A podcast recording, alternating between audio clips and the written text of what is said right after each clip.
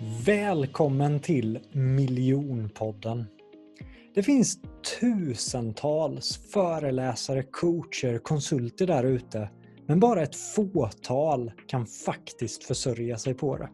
Så frågan är, vad är det de personerna gör annorlunda? Varför lyckas vissa personer som föreläsare eller coach och vissa misslyckas? Det jag vill beröra i den här podden, det är det affärsmässiga med att vara en föreläsare, coach eller frilansare. Hur säljer man in sina tjänster? Hur paketerar man sitt erbjudande? Hur ska man marknadsföra sig själv? Hur ska man approacha sig själv i sociala medier? Hur bygger man varumärke? Detta och mycket, mycket mer kommer jag intervjua några av Sveriges främsta experter inom området. Jag själv, Jonathan Ljungqvist, har 10 års erfarenhet från att jobba i den här branschen och jag har också jobbat för och med några av världens främsta coacher. Så att jag är så taggad och inspirerad att ge dig som sitter här och lyssnar hemligheterna bakom det affärsmässiga med att lyckas som föreläsare, coach eller frilansare. Nu kör vi igång! Då var det dags att intervjua Mikael Lindnord och jag har eh, velat haft med Mikael i den här podden väldigt länge. Jag har tjatat och tjatat och tjatat. För Mikael är en, eh, en mästare på att knyta stora sponsorer, en mästare på att blåsa upp projekt så att de inte blir stora utan att det blir gigantiska. Det här är en person som självaste Hollywoodstjärnan Mark Wahlberg kommer att spela som karaktär och som kommer sändas worldwide. Personen bakom storyn med hunden Arthur som blev en bästsäljande bok och som har skrivits i hur många språk, Mikael?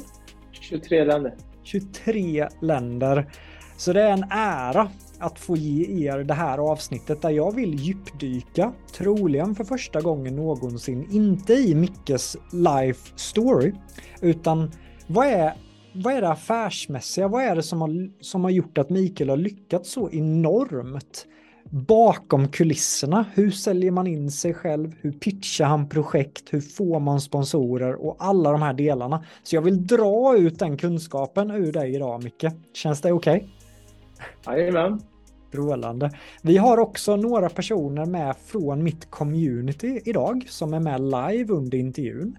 Så det kan vara så mitt i intervjun att jag kallar in till exempel Emil, Madeleine har vi här, Lina har vi här, Cecilia har vi här.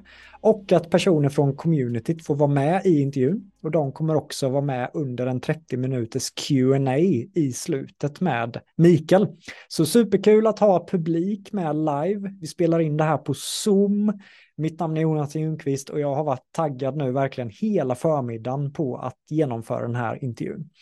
Men min första fråga Mikael är hur mår du idag? Bra, tycker jag. Vad har du gjort idag? Har du varit ute och gymmat eller vad? Eh, jag har eh, pratat med dig. Du ringde och peppade mig och se till att ljud och allting blir kanon vilket jag misslyckades med. Så det var ju sådär. Sen så knöt jag en, en deal, på tal om dealer, med Försvarsmaktens och Sveriges Television.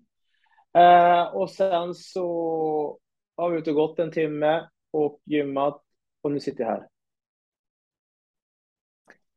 Spännande med deals också, Mikael. Du, eh, under försnacket här så sa du någonting att om du hade fått spola tillbaka bandet tills du var 20 år gammal, och gjort om den här resan, vad hade du undvikit för misstag då, Mikael? alltså nu djupdyker jag så här, men du vet, när man går i skolan, så jag var ganska dålig i skolan. Jag hade liksom, jag tror jag gick ut nian med 2,7. På den tiden var det 1 till 5. Man, man, och sen blir man liksom in i en box. Liksom. Det, det är så, liksom, man, man, man, går skolan på ett visst sätt. Och jag var ju som alla andra. Eh, och jag skulle egentligen vilja säga till mig själv då, liksom att ja, men, kör på allt du tror på, för det kommer funka. Inte det här att liksom, man, man liksom, du ska göra det här och man, det, det tar så För mig tog det lång tid att bryta mig ur den här normen för att komma till det jag var skapad att göra. Det hade jag velat haft och inte haft så här tvekat så mycket, haft så mycket, liksom, man, man hindrar sig själv från att liksom nå sin fulla potential. Det hade gått mycket, mycket snabbare. Uh, och sen att man tror på sig, sig själv mycket, till, även fast man kanske gör det utåt, att man gör det innerst inne. Det hade jag velat haft sagt till mig själv när jag var 20. Så egentligen, jag hade inte sagt att jag skulle vilja ja, gå tillbaka till 20 för att jag är ung igen och vältränad och allt det där, utan mest bara med den kunnandet och, och den förståelsen idag. Uh, det är så alltså, jag, jag pratade med en, en polare nu, han, hans son, han ska spela TV-pucken och är supertaggad och där är så här, varenda match är så här, ja men får se matchen. han gjorde två mål och får se nästa match om han kan göra mål igen, för då är, liksom, då är det närmare TV-pucken och allt det där. Medan liksom, det jag skulle vilja säga till en 15-åring då, det är att det spelar som ingen roll om det är en, tre mål eller om du får bara spela två byten. Försök liksom vara trygg i dig själv. Du är en bra hockeyspelare. Sen om man har tur, det, pucken hoppar inte rätt och så vidare. Det kan inte du alltid påverka, men det innebär inte att ditt värde som person försämras bara för att liksom du inte gör mål. Mm. Det hade jag velat sagt till mig själv när jag var 20. Snyggt. Du har ju bakgrund som en av de bästa multisportarna och för er som inte vet vad multisport är så är det ju en av världens mest krävande idrotter. Man springer ibland i flera dygn, man klättrar, man paddlar och man följer som en rutt. Och det kan ju innebära en vecka mer eller mindre utan sömn. När bestämde du dig för, Mikael, att jag ska satsa på att bli en av de bästa multisportarna i världen? Så till att börja med, så, på tal om det här med betyg, jag var ju medioker i sport också, men jag fick ju kicken från hockeylaget när jag var 17 liksom, och, och det tog ju hårt på mig. Uh, men jag, jag, skulle säga så här, där någonstans, när jag fick ju göra lumpen, då, jag får, nu för tiden får man inte göra det, nu verkar det komma tillbaka, men jag fick ju göra lumpen, jag hade tur där på något sätt, så jag blev Lapplandsjägare uppe i Kiruna Eh, som är då ett elitförband. Och, och ganska så. Men jag var ju så här, i mitt mindset var jag liksom en vem som helst. Och det var liksom, för mig var det ju så här, det var gränspuck om jag skulle klara det lite. Eh, och jag skulle säga att jag har allt att tacka för att jag fick göra i lumpen som, som jägare. För att då var det tufft och det var så här, och det var där jag upptäckte min talang. Egentligen, som har tagit dit jag är idag. Och det, min talang är bara att jag, jag ger inte upp. Det är så kortfattat. Och, och, så är det lite grann. Och där och då så, så börjar jag förstå, liksom, jag, jag är ganska bra på de här sakerna. Jag är inte liksom så dålig som jag har gått och trott, eller folk har sagt åt mig. Liksom. Uh, så där och då, och sen började jag ju, och då blev multisporten direkt efter militären där jag var 19 någonstans, då började multisport komma till Sverige och jag var med och jag var ihop direkt. Men sen var jag där ganska medioker tills jag var typ Ja, jag tränade ju på och så där, men det var ju först när jag var typ 32, 33 när, när vår gemensamma kamrat John Karlsson, han och jag började tävla ihop. Där vi liksom i princip peppar varandra liksom att ja, men nu är det dags att kliva på ordentligt. Och, och, vi, och vi, vi peppar varandra till att liksom, men ska inte prova att bli världsmästare. Liksom, för att se hur långt vi kan komma. Och det var där och då som någonstans jag blev elitidrottare, inte bara fysiskt utan psykiskt också. Men det, och då, det, det, det, tog ju bara, det tog egentligen bara ett och ett halvt år från att man bestämde sig att go for it till att vi vann den första världsserietävlingen liksom som första svenska lag någonsin. Det är inte det fysiska som är stora, utan det är att du tror på dig själv mentalt innerst inne i hjärtat att du kan bli bäst. Mm. Och det, det är det som uh, var nyckeln för mig också, fast ingen gjorde det till mig personligen så. Det var någonting jag upptäckte själv, men det är någonting som jag skulle säga är det är där, det är här uppe som du avgör vad det blir. Liksom. Ja, men du är en av Sveriges bästa, kanske Europas bästa föreläsare. Liksom. Det kanske är liksom att det sätt du är, men det, du tror ju själv det också. Det är när du tror det själv, det är då du går hem. Jag vill backa här lite Mikael ändå till att du sitter där med din polare. Ni har knappt multisportat och så säger ni vi ska bli bäst i världen och inom ett och ett halvt år så är ni i världseliten.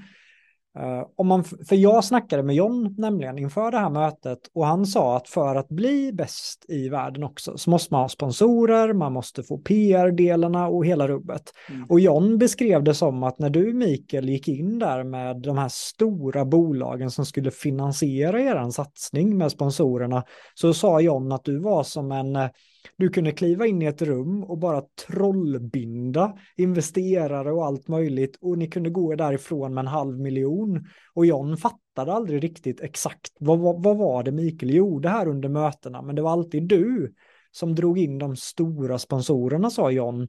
Hur tänkte du kring de bitarna, Mikael? Eh, alltså grejen är, till, till att börja med så är ju som partnerskap, eh, sponsorer, business överhuvudtaget, det är ju liksom personliga relationer. Det är ju inte liksom så här, ah, om du och jag ska göra en sak ihop, det är ju att vi ringer och snackar med varandra och träffas i Stockholm. När vi, vi har en personlig relation och sen kanske vi gör business också.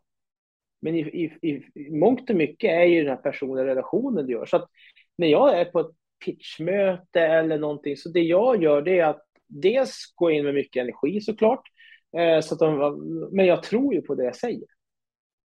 Och jag pratar ju aldrig liksom så här, ja, jag, ungefär som eh, det här, vet du, draknästet.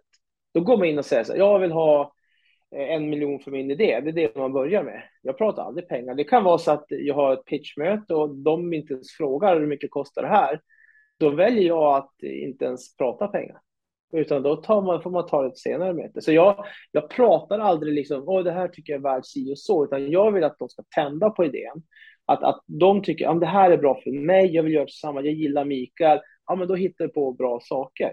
För det som jag också lärt mig genom åren, det är att, att du vill inte göra en deal som är bra för dig, även fast du tjänar jättemycket på just den här dealen, men det, det är så kortsiktigt, för det är inte den första dealen du tjänar på, utan det är långsiktiga samarbeten.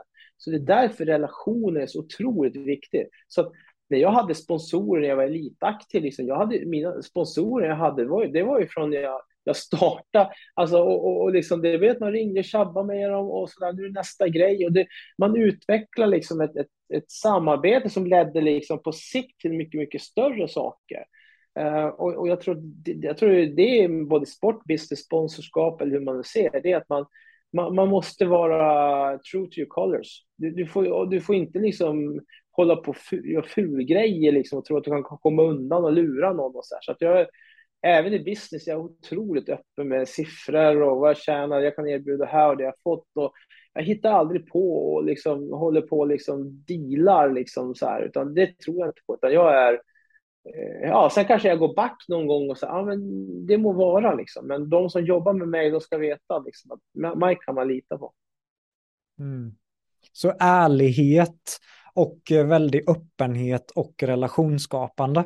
Hur fick du till de här stora sponsormötena? Hur ens kom du in i rummet så att du ens fick pitcha? Var det att du ringde dem? Var det att du mejlade dem? Var det att de såg någon radiointervju med dig? Eller hur, hur gick det till för att ens komma till mötet?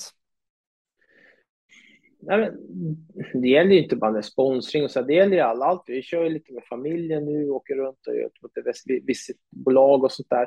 Det handlar egentligen om också att, att mångt och mycket att jag researchar jättemycket. Eh, jag, jag tänker så här, till att börja med, så om jag vill jobba med ett varumärke så vill jag jobba med för att jag tycker att de är bäst. Eh, vill jag jobba med ett klockmärke till exempel, eh, som jag hade, alltså jag sponsrade Sunto, det finska Sunto, det var för att de var bäst. Eh, jag jobbade med Oakley, det var för att de var bäst. Och då, då kontaktade jag dem och sa att jag vill ju hitta en, ett samarbete där. Och det är för att de, de hade rätt grej. Det var som vi var sista året vi sponsrade Peak Performance. Och i mitt tycke var där och då så hade de bäst grejer, bäst Gore-Tex-jackor, kläder och allting som höll för våra liksom, tävlingar, expeditioner liksom. Eh, så egentligen där. Och sen så kolla den jag har möte med, researcha den, liksom, vad har den för intressen? Liksom. Jag menar, LinkedIn idag är ett fantastiskt redskap för det. Även Instagram, du ser, har de barn och familj, finns det gemensamma nämnare? Vad, vad, vad har egentligen det företaget för visioner? Jag menar, det, det finns ju massa saker att, att, läsa och se på nätet. Du kan se YouTube-filmer du kan få skapa en bild och då kanske till och med när man gör research på ett företag, det kanske inte passar mig för de, de är på väg i den här riktningen. Uh, så jag vet ju jättemycket om motparten innan jag liksom pitchar. Och när jag väl pitchar för dem så, så, så, så vet jag lite grann vad jag ska trycka på. Så. Men jag vill ju, när jag pitchar så jag går ju med full energi och egentligen är det så att jag vill ju få dem att känna att ja, men han tror på sig själv och han vill jag gå med. Plus att det är många som är så, tittar du idrott, med, med, pratar vi sponsring, så är det många som tänker så här, men man måste, jag måste vara världsmästare, jag måste ha vunnit världscupen, jag måste vara med i SOK-program, jag måste vara si och så för att få sponsring. Men, men det är där det är fel lite grann, för du behöver ju få det tidigt. Och många av mina partners, de vill ju vara med på resan, göra det här tillsammans, vara involverade, vara med i den här processen, kämpa när det går tungt och, och i medgång. Det är, det är väldigt få där ute som bara vill liksom, oj, nu är Mikael eller Jonathan, han är bäst i världen, nu vill jag ha hans varumärke på han eller jobba med han, bara för att han är bäst. Många vill vara med på resan och man ska inte underskatta resan. Är det det du tryckte mycket på, just att vara med, vi har den här potentialen, eller vad var det mest? Var det det sponsorerna gick igång mest på? Ja, alltså eh, dels det och sen så jag, jag har ju alltid varit liksom var, liksom så här, eh, ja men liksom få synergier av samarbete. Mm. Uh, att få företag som, som, som lirar med varandra, kanske ett bilmärke som lirar med med frukostmüsli liksom. Och hur kan man lira med det? Kan man få en bil i en ICA-handel i en ICA-handlare till exempel? Och sen så kan man vinna bilar där om man liksom svarar på frågor på müsli-paketet. Typ sådana grejer. Så jag, jag var väldigt så här, trestegstänkande i hur man kunde få saker och ting och flyga liksom.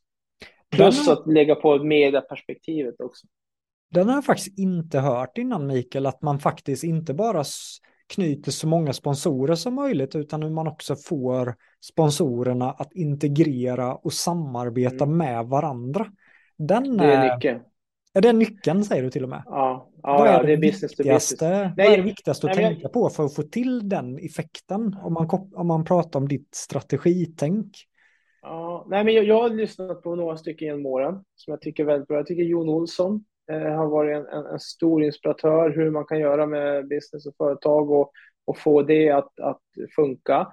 Uh, nu, nu är det som att svära i kyrkan. Liksom. Jag tyckte liksom Lance Armstrong, det han var i tid, okej okay, han var dopad och allt, det var i och för sig alla där, men det han gjorde med, med sponsorer och partners, hur han byggde liksom allt det runt sig, det är också en stor inspiratör. Liksom. Och han var ett typexempel hur man liksom, han hade girohjälm som, som jobbade med Oakley och det var olika märken, men då, då gjorde de designer av hjälmar som skulle passa till hans glasögon och ja, men typ sådana grejer. Och, och, det var där mina liksom, började liksom, gå lite grann i min, i min, i min hjärna. Liksom. Och det, det är så det funkar lite grann där ute. Det gäller att få folk att lira med varandra och det, det är då du får det att flyga. Liksom. Mm. Vi, eh, vi checkar in med någon i publiken här om vi får lite reflektioner. Vi, vi kastar över micken till eh, Madeleine. Du sitter och nickar en del. Vad, vad, vad reflekterar? Är det här något du kan använda dig av? Du är ju en fantastisk coach Madeleine kopplat mm. till att faktiskt få sponsorer till ditt varumärke. Hur går dina tankar här Madeleine? Ja, men jag har några tankar. Dels det här, jag skulle vilja gå tillbaka lite till det här med att tro på dig själv. Du sa så här att du växte upp och du skulle vilja säga till den här 20-åringen tro mer på dig själv. Sen går du in i nästa andetag och så berättar om hur du bara raggar sponsorer överallt och börjar tänka de här trestegsmodellerna. Hur fick du den styrkan, tänker jag? Var, var kom den ifrån? Eh, på en myr i Kiruna. På en myr i Kiruna, ja. Ja, under, under två, tre dagar där så då, det var då, det, då blev den här switch-knappen för mig. Det var då det hände. Då var jag väl då, ja, 19 år och några månader. Där och då så skiftade hela mitt mindset. Mm. Där och då. Eh, och, och, det var ju så att jag var, jag var ingen i allas världar, liksom. även liksom de nära. Liksom. Jag trodde ingen som trodde på att det skulle bli någonting av mig överhuvudtaget. Uh, och jag harvade ju på idrott. Jag var ingen bra idrott heller.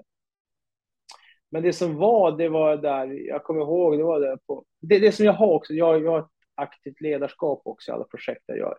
Jag står inte bakom och puttar, utan jag går längst fram och är det tufft så är det liksom, då är, då, då är jag den som kliver på ordentligt och visar vägen. Eh, och jag tror där och då, den på den myren, så lärde jag mig det. Och det, med det självförtroende, när man gör saker som man inte trodde det var möjligt, då skapar man det här uh, tron på sig själv. Eh, jag, menar, vi, vi har, jag har två barn nu, jag har Tor och Filippa. Eh, och Filippa som alla andra tjejer vill ha en mobiltelefon. Eh, och hon har ju pratat om mobiltelefon nu i tre år. Eh, och våra barn, som de flesta andra barn i Sverige, liksom som, som har det hyfsat eh, bra, så de får ju det mesta. Liksom. Det är, de får grejer och cyklar och det är någon, någon cross där. Och så. Det, de har det ganska bra. Liksom. De får iPads och liksom klockor och det, allt det där. Men mobilen, det, det var en sån här grej som jag, jag då sa till Helena också. Liksom, Nej, men de får ju alltid, de får ju, de får aldrig kriga för någonting. Så då, då sa vi att ja, men om du simmar en kilometer, alltså tusen meter i, i, i en kall älv eh, utan att stanna, du får inga säkerhetsbåtar, ingenting. Du ska simma tusen meter så får du mobiltelefon. Men du kommer behöva träna för det här, för det är inte alla som kan simma för det här. Simma tusen meter, liksom, det är långt. Uh, och vi har varit inne på Telia liksom och sådär. Och jag kom för några år sedan och la sig på backen och ville ha en telefon och ville så här, du vet, då sa jag, du vet vad som gäller och, och det är det här liksom. Så här. Och det gör ju ont i pappahjärtat.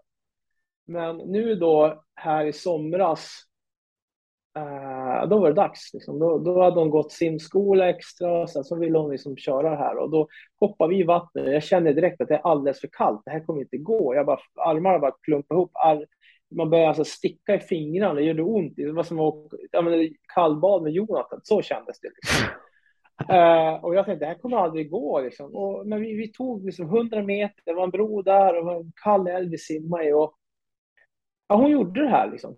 Det tog en timme. Liksom. Hon är nio år och hon kommer upp och liksom, den självkänslan och självförtroende som hon upplevde där jag ser det nu när hon börjar trean i skolan och allting. Det är en helt annan, alltså, det är en helt annan tjej. Hon är någon, liksom, hon har gjort någonting.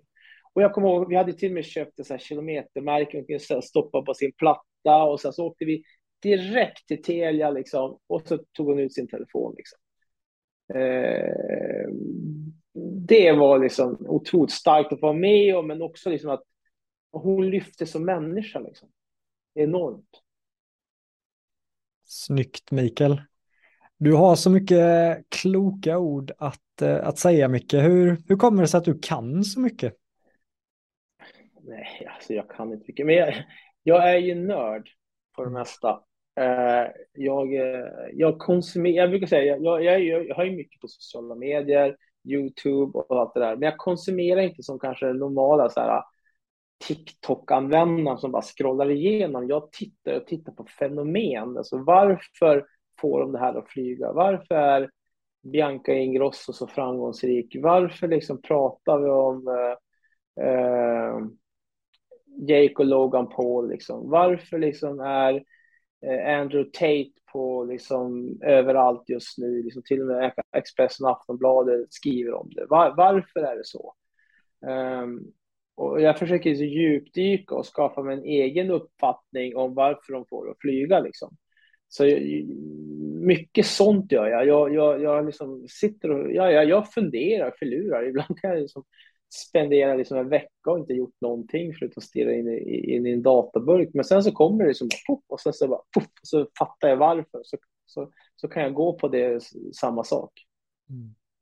För om det är någonting Micke också som, som John lyfte med dig så var det att eh, du är otroligt bra på att eh, säga att ni ska göra ett race, det är VM, att få media att hypa upp ert lag och att verkligen promota det väldigt hårt. Och det här är ju någonting som många föreläsare och coacher har svårt för, att just att bygga sitt varumärke och att få en hype kring sig. Vad är dina reflektioner och det mest konkreta man kan göra för att lyckas med det? Till, ja, jag vet, alltså, till att börja med så är det så att när jag var elitaktiv så jag, var ju, jag hymmar ju inte med mina mål. Liksom. Jag sa ja, det är hit vi ska, vi ska åka dit för att vinna, du vet vad allt det där. Och det gjorde liksom att folk bara, ja, hur vågar du säga det där, känner du inte pressen och allt det där. Men för mig var det tändvätska. Men det gjorde också att jag gjorde allt i min makt för att vinna. Jag gjorde liksom allting, tränade rätt, liksom man, man deffade, man, man hade bäst utrustning, man gjorde allting. Så att jag var liksom trygg med att jag hade gjort allt. Så, att jag, så, så vann inte jag, utan jag blev tre, fyra eller eh, två. Eller vad. Då hade jag gjort mitt absolut bästa. Och jag kände aldrig ånger. Eh, så det var en styrka. Sen, sen är ju också, jag, menar, jag tävlade i adventure racing, multisport som, var en, en, eh, är fortfarande en periferisport som liksom får väldigt lite uppmärksamhet. Så du måste ju sticka ut och göra saker för att, för att liksom slå igenom bruset. Men, eh, men med, med, det sagt så var fortfarande inte historien med, med Arthur och gatuhunden, det var ju inte en sån grej, utan det var någonting som bara blev av sig själv. Liksom.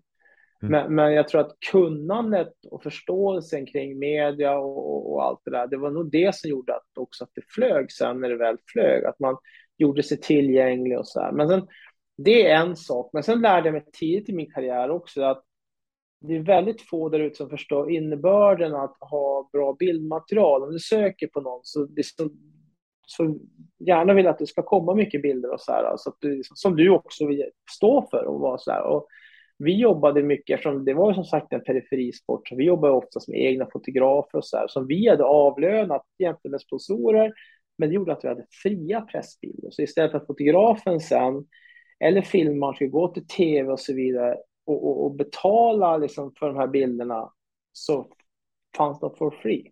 Red Bull har det här till exempel. De har ju, vem som helst kan gå, i media kan gå in och plocka fria bilder så länge det står Red Bull, man ser loggan. Liksom. Så de, har, de gör ju det här också. Men, men så det var också en stor del i framgången. Och det fina med det också, det var ju att då fick jag ju också de bilderna som jag ville på något sätt promota utifrån de jag tyckte, hur jag tyckte det skulle se ut. Liksom. Ja, men, eh, snyggt, så samla på mycket bildmaterial och att framför allt om man recapar till det du sa, att man vågar vara lite kaxig också. Att även om man kanske inte har chans på att vinna, men att man ändå pratar väldigt stark retorik om vad man har som mål i alla fall. Vilket kan leda till en form av hype. Ja, så, mm. var det, så, så är det absolut. Det, det, och, och det är det, när vi, vi var där i början när vi slog igenom, då var ju också Adventure Motorsport på väg till en otroligt hög peak. Liksom. Mm. Uh, och, och, jag skulle säga att det, det är en stor del. Men sen är också man, Ja, men så är det också. När jag går in på ett möte och pitchar, det behöver inte vara just det här multisport och sponsring och det där, utan nu när jag gör riktig business eller vad jag nu gör, det är att motparten måste tro på dig.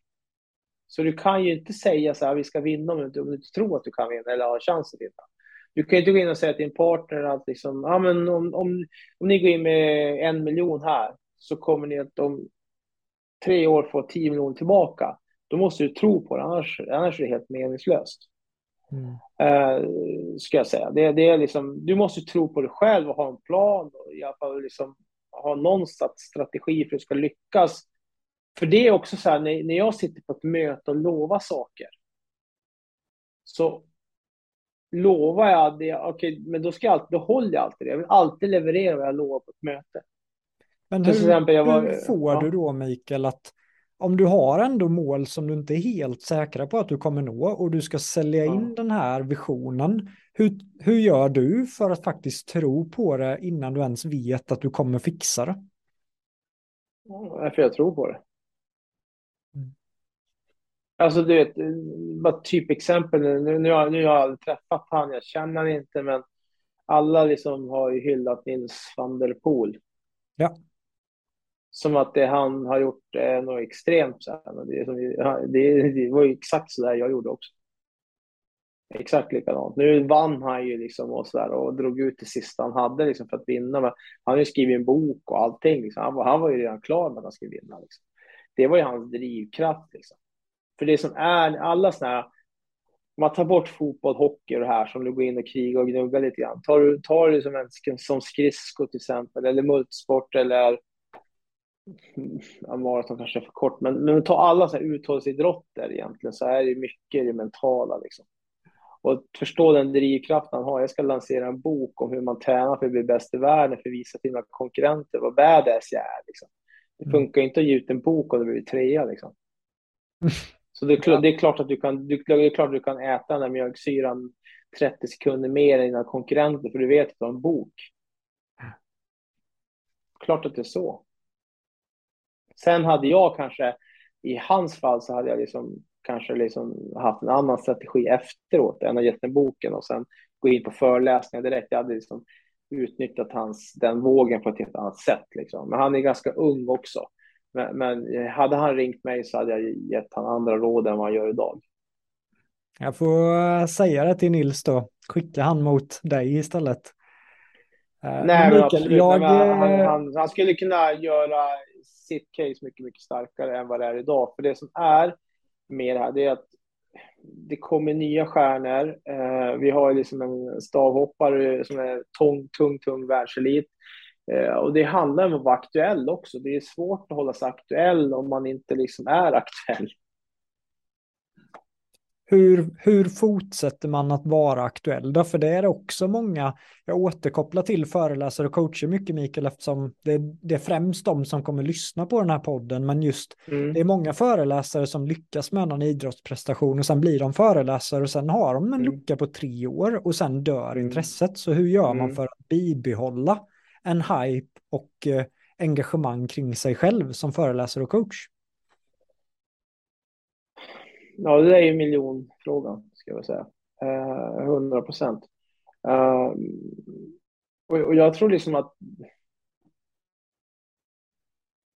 man måste förnya sig till att börja med. Det går inte att jobba i samma skåpmat hela tiden och, och sådär. Nu, nu, nu ska jag ut och hålla lite föreläsningar här i november liksom, eh, som bokar på sjukt bra. Eh, bland ska vara Cirkus i Stockholm som, som bokar på. Men det är också så här, jag vet ju liksom när, när det väl är dags, liksom, du pratade tidigare om med, med Mark och filmen och allt det där, när det väl är, och allt det är officiellt och det går på och allt det där, då kommer ju vi ett fönster för mig igen. Och det är det, är det som är grejen också. Att, jag gillar han Gary Wee också. Du, du vet säkert Gary Wee av alla.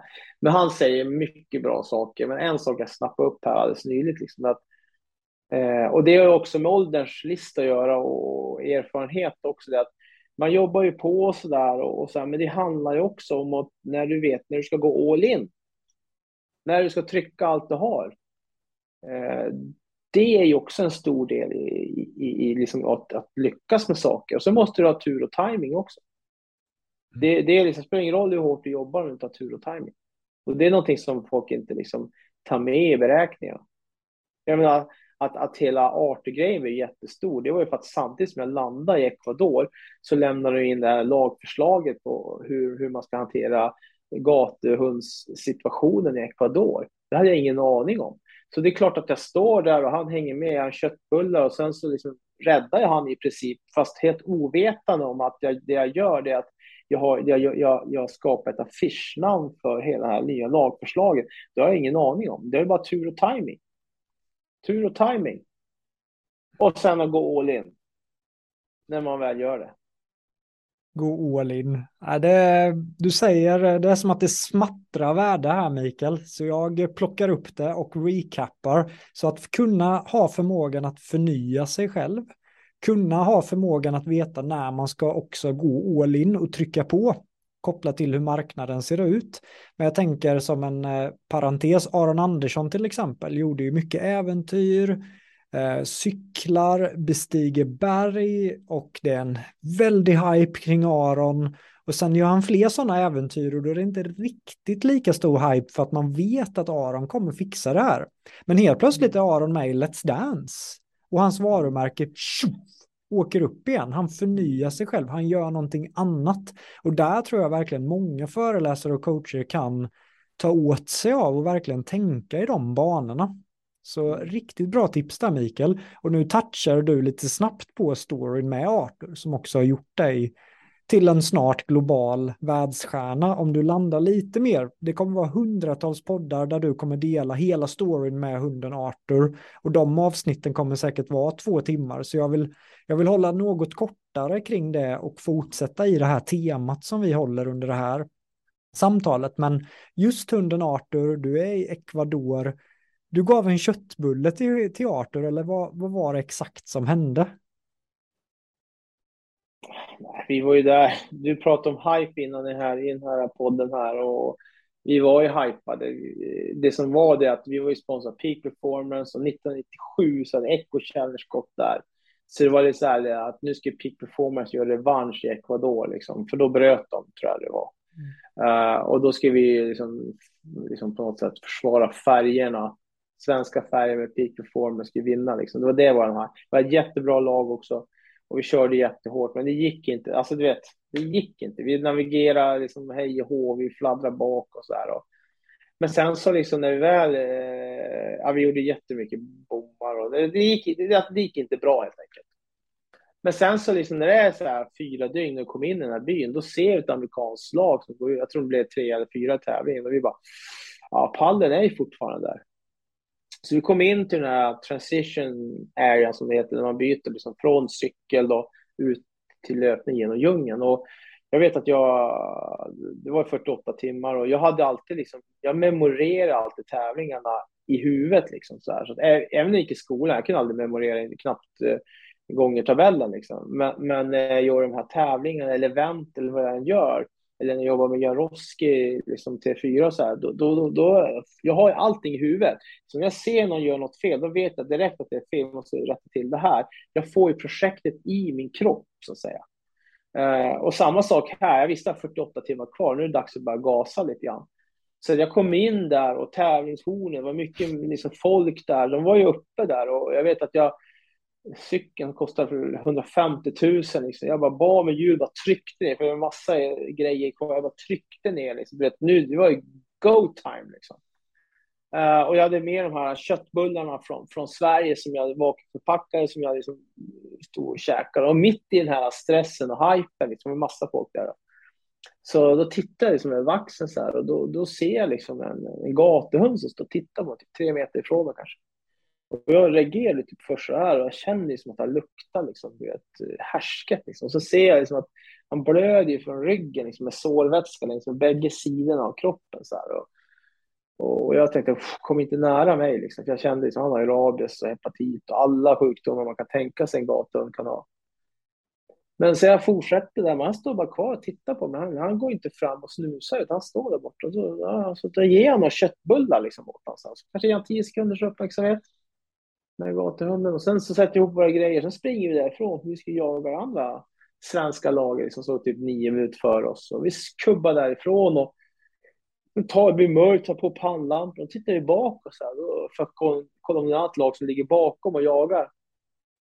Då ser jag bara i pannlampsskenet, ser man bara att det är en hund. och Jag tänkte liksom inte att det var det. Vi skämtade lite om att det var någon som har skaffat sig hund liksom. Och det andra laget stannar, vi fortsätter och så. Och då stannar vi för att vi ska byta pallans batteri. Och någonting. Då först känner jag igen honom en timme senare. Ja, men det är samma hund som, som jag gav köttbullar till. Sen ska vi genom, genom liksom, eh, djungeln med liksom, gegga upp till knäna. Liksom. Det var ju otrolig misär. Och, han hängde med där och allt det där. Och jag kommer ihåg att vi stannade på morgonen, solen gick upp igen och jag satt där. Och jag är någon som hade mat, vi var helt slut. Och och Simon tar upp så här köttbullepaket. Jag tar en tugga och Simon tar en tugga. Men Simon och eller Staffan och eh, Karen, de vill inte ha någonting för bakom mig. Då ligger liksom Arthur då, borde fått ett namn. Eh, så ligger han ju där och så, så han har inte ätit heller. Så vi tog all mat och så gav vi till honom istället. så det, blev som, det var ingen som sa liksom att det gör vi, utan det bara blev att vi gjorde det. Liksom. Så då gav jag mat, all, så två, det var två köttbullepaket liksom, så, så gav all mat till honom. Ja, vi fortsätter där och en i laget vi riktigt risig, liksom, riktigt risig, så vi släpar, släpar han in, in, in, i mål där och, och Arthur är med oss liksom. På något sätt. Men så fattar organisationen att när gatan är med oss så sa vi att vi kan inte ha med honom, för nu ska vi ut och paddla i floden till mål i Mangroveträsk och tidvatten och allt möjligt. Eh, och vi hade för, att en i laget, han var så illa däran så han fick ett dropp. Så vi var tvungna att stanna där, för man fick då strafftid på fyra, dygn, eller fyra timmar. Och sen var vi tvungna att vänta på tidvattnet, så vi var där typ sju timmar. Och när vi ska iväg där sen så då var vi liksom, ja, någon paddla och, och, och, jag vet att Arthur kommer ner på stranden och gnyr lite så här och, och, och jag vet liksom, ja men alltså, jag är i Ecuador och tävlar i VM liksom, så jag fattar liksom, ja men nu paddlar vi, nu, nu, nu kör vi och paddlar iväg och så här. Och, och då när jag paddlar en bit, då hör jag liksom bara hur det plufs, plaskar, tittar bak och ser jag liksom Arthur som har nosen nära vattenbyn. Så han, han, kan ju inte simma riktigt, så han är nästan på att drunkna. Och jag bara, du vet, magen bara vreds ihop liksom. Det, är som det där att, ja, du vet, man kände liksom att det här är liksom make it or break it liksom. Och då sa jag stanna, stanna kajaken, så stannar och så då lyfte jag i honom i knät och så här. Och han luktade fortfarande jätteilla och blödde och jag hade ingen aning. Han var ju så nära mig nu så att han kunde bitit mig om han velat. Uh, och jag vet att jag fattade ett beslut där och då att, uh, att jag tyckte det var värt det. Att, liksom, att, att offra, att vara beredd att offra mitt eget liv, att bli skadad, skjut, alltså få, få någon sjukdom liksom, för att rädda den här gatuhunden. Och det är sjukt omdömeslöst uh, att göra det här beslutet. Men, men eh, ja, jag gjorde det i alla fall. Så där sitter vi och paddlar liksom och sen kommer man i mål och ja, sen är det så här, du vet, till veterinär var inget snack om. Ta honom till veterinär och det då det blev den här mediegrejen mitt i alltihop. Liksom. Eh, och jag vill ta honom till, till veterinär, men det var någon som säger så här, men ska du inte adoptera? Vadå adoptera? Kan man adoptera en hund? Så jag kan ju ingenting om djurliv och hundar överhuvudtaget. Och, och, jag hade inga pengar heller, så att just det här med all in, vi hade redan satsat all in på det här VMet. Liksom. Så att innan tävlingens start, när jag ska checka ut från hotellet, alltså det är 2000 spänn, 2000 svenska kronor vi pratar om då, då, då, då studsar mitt kort och tar företagskortet som också studsar. Så jag ringer Helena och säger hon ska, kan du överföra några pengar så vi kan checka ut från hotellet. Och vi, vi har inte ens 2000 spänn.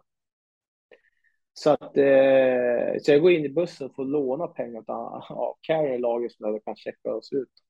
Så jag var ju helt black liksom. Men jag tänkte, ja, men här måste jag... Och, och, och då, är, då blir det här mediegrejen hemma i Sverige och då, det är då det blir crowdfunding. Så Folk skänker alltså till ett sånt där Paypal-konto pengar för att rädda arter som gör att vi har råd att, att göra det här, ta hem han till, till Sverige. Men, men det, är inte, det är inte bara en grej. Sen är det Jordbruksverket som måste ha tillstånd för det här. Så jag ringer dem och de säger så här, ja, det kan ju typ vara möjligt, men du måste göra den här listan av grejer. Och då hade jag redan slutat lyssna, liksom, för jag hörde ju bara att det är möjligt. Eh, så, så det, var, det, ja, det var mycket som hände där. Det var folk som dök upp och ville hjälpa till och, och liksom Ja, helt plötsligt fick vi allt. vi fick vaccination, rabiessprutor, allting. Och, och då, men då får vi ju nej av Jordbruksverket, men då blir de nerringda av alla fans som man nu har blivit under de här 24 timmar, 36 timmarna. Så de ändrar sitt beslut, men då har Jordbruks, Jordbruksverket, alltså Ecuador säger nej för det är för farlig resa och så vidare. Så när vi åker, det här är på fyra, alltså jag ska tävla i sex dygn nonstop. Jag sover en natt, sen kör jag fyra dygn till. Alltså jag tar någon hjälp från rysk väska. Jag bara krigar. För, att, liksom, för jag var så här, liksom, han hade ju satsat sitt liv på att hänga med mig. Då tänkte jag, ja, men då ska jag också satsa vad jag har.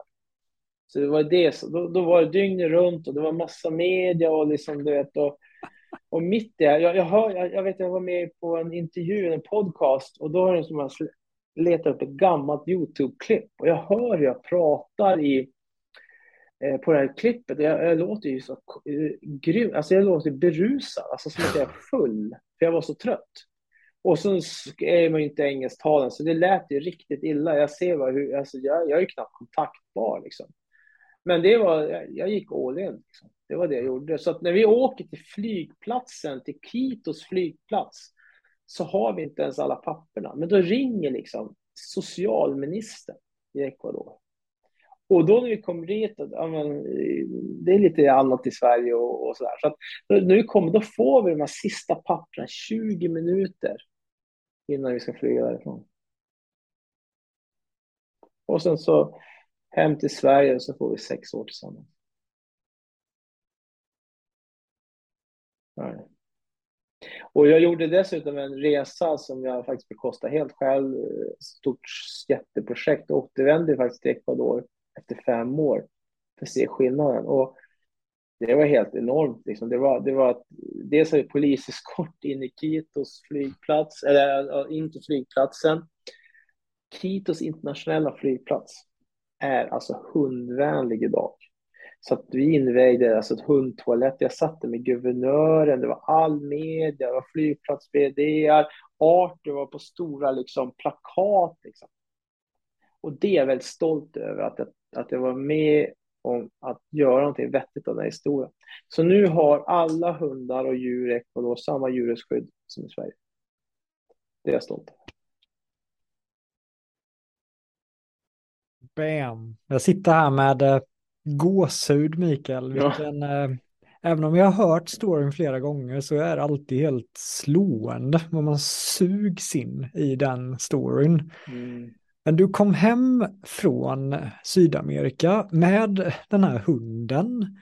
Mm. Vad, alltså, vad pågår i huvudet då? Är det att det här ska bli ett, en bok eller är det mer att nu är jag med den här hunden eller hur, hur går, hur snurrar tankarna där egentligen och hur blev det en bok sen? Alltså när jag, när, jag, när jag kommer hem, det här blir ju en sån här viral succé på Facebook och överallt, nyheterna och det är liksom, alltså jag, jag sitter när jag kommer hem, liksom, det är dygnet runt, jag sitter liksom med, med, med eh, CNN, ABC, Huffington Post, liksom, du vet, de har en hubb i Atlanta som ringer upp mig. Liksom. Du vet, jag, jag kommer ihåg, alltså, det var helt hysteriskt. Du vet när fönstret öppnar sig, jag har varit med om det här fönstret. När det öppnar sig så är det liksom, det är fullt sjå att överleva. Och då var det här en positiv sak. Som, som var någonting som folk ville skriva om som var positivt. Jag, jag bara tänkte de som åker på det här mediadrevet som det här ändå är, när det är någonting negativt, när de har gjort någonting. Alltså, jag förstår inte att folk överlever. Liksom.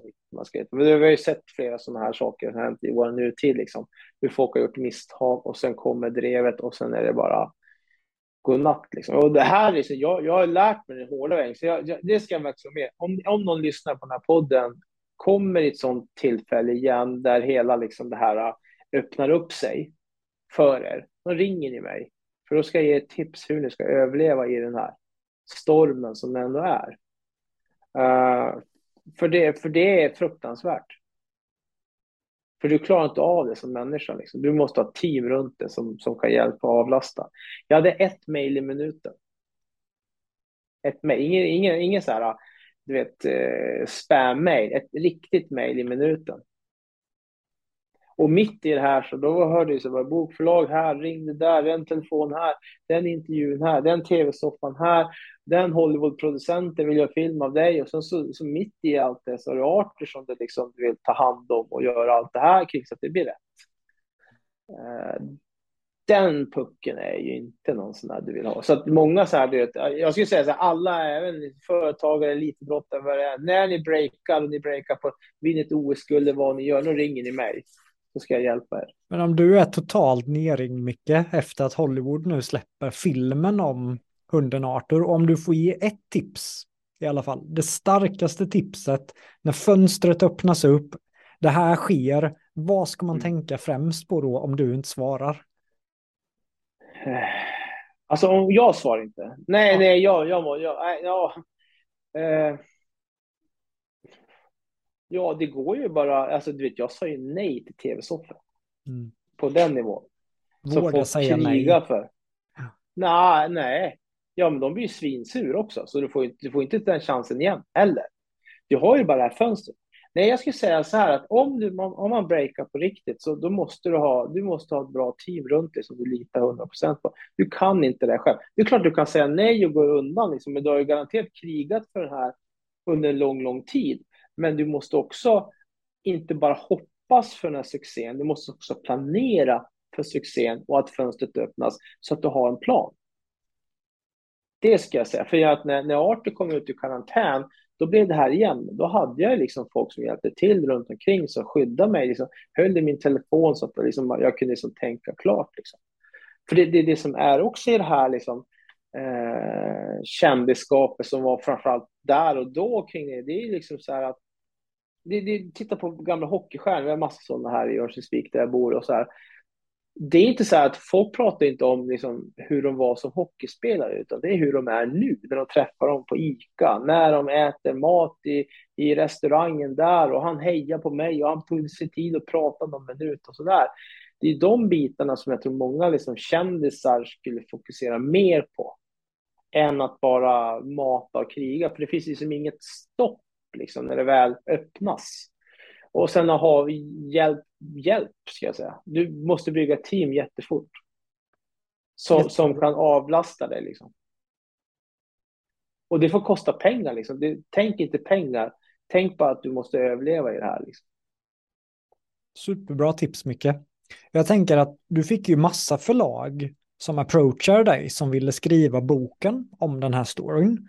Vad var det du mm. gick på när de pitchade till dig som gjorde att du valde det förlaget som fick rättigheter att dela storyn med hunden Arthur?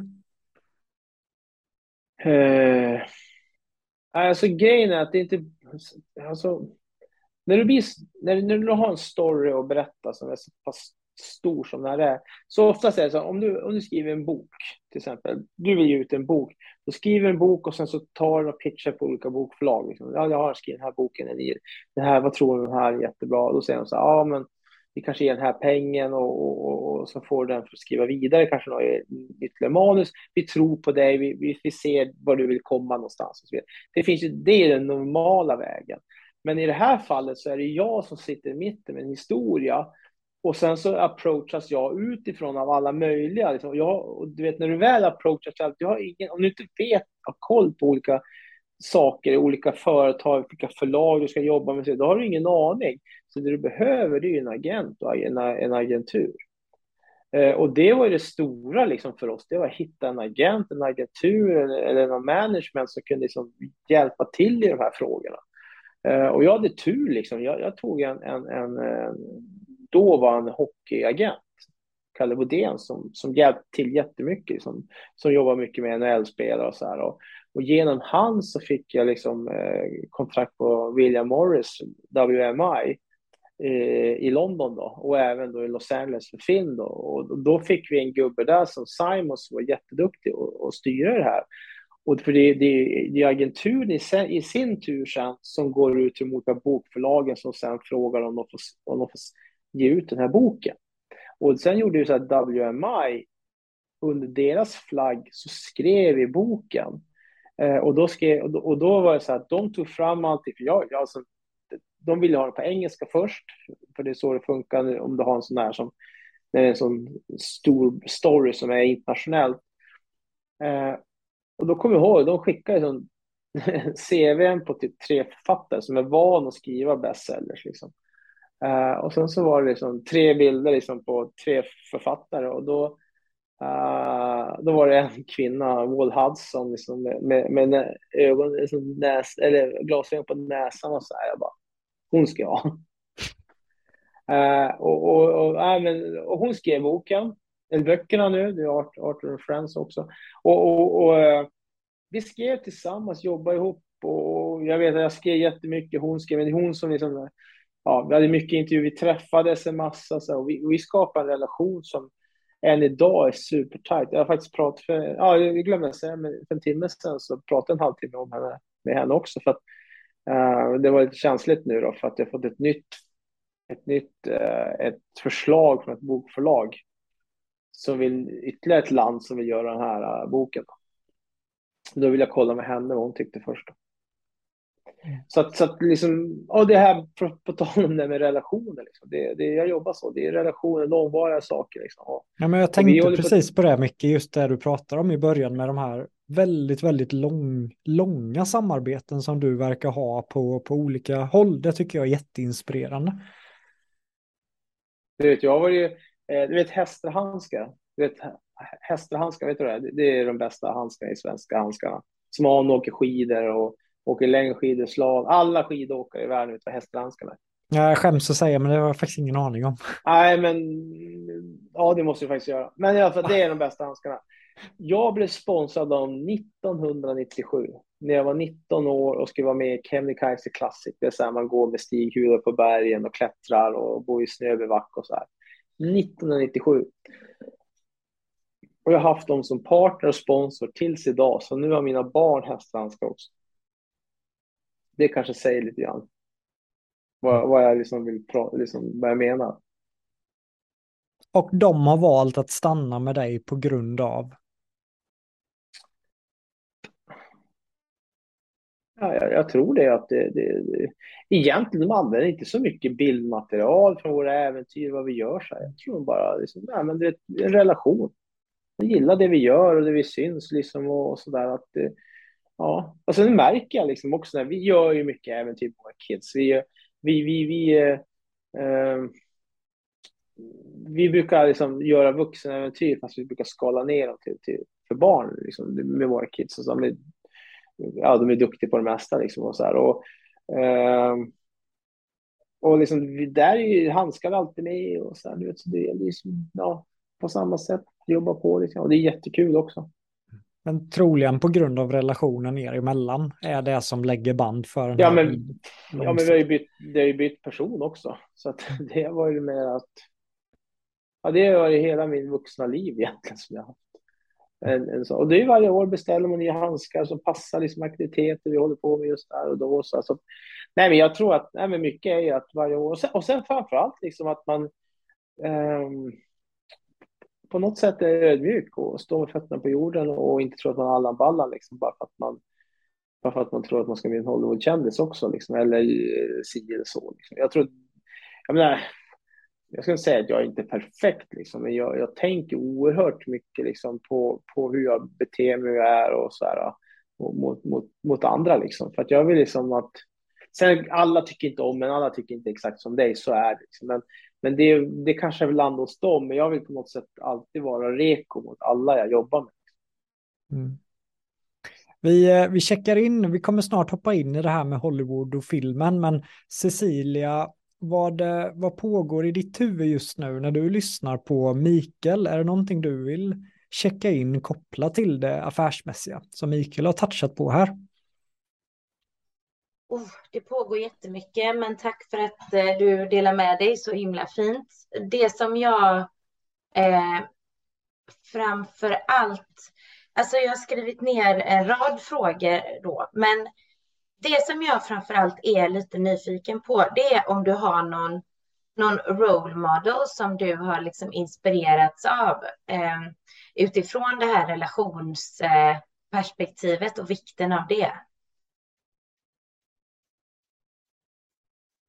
Uh, ja, alltså flera stycken. Jag var inne och petade på det lite grann. Jag tycker Jon Olsson var en, eller är fortfarande en, en, eh, en stor inspiratör. inspiratör. Uh, Magnus Helgesson också. Uh, otroligt uh, bra människa som har också hjälpt mig mycket. Uh, Jonathan och jag ska inte förringas, vår våra relation också en stor del i det hela. Eh, sen tror jag också att jag har ju alltid hela tiden haft min partner och min fru Helena med i, i hela vår resa ända från tonåren. Och jag tror det är också en styrka att vi hela tiden varit två också. En, en, en duo. Och jag tror att det tror jag, och jag tittar liksom också nu på tal om liksom andra, när man går ner i grottan för att folk lyckas.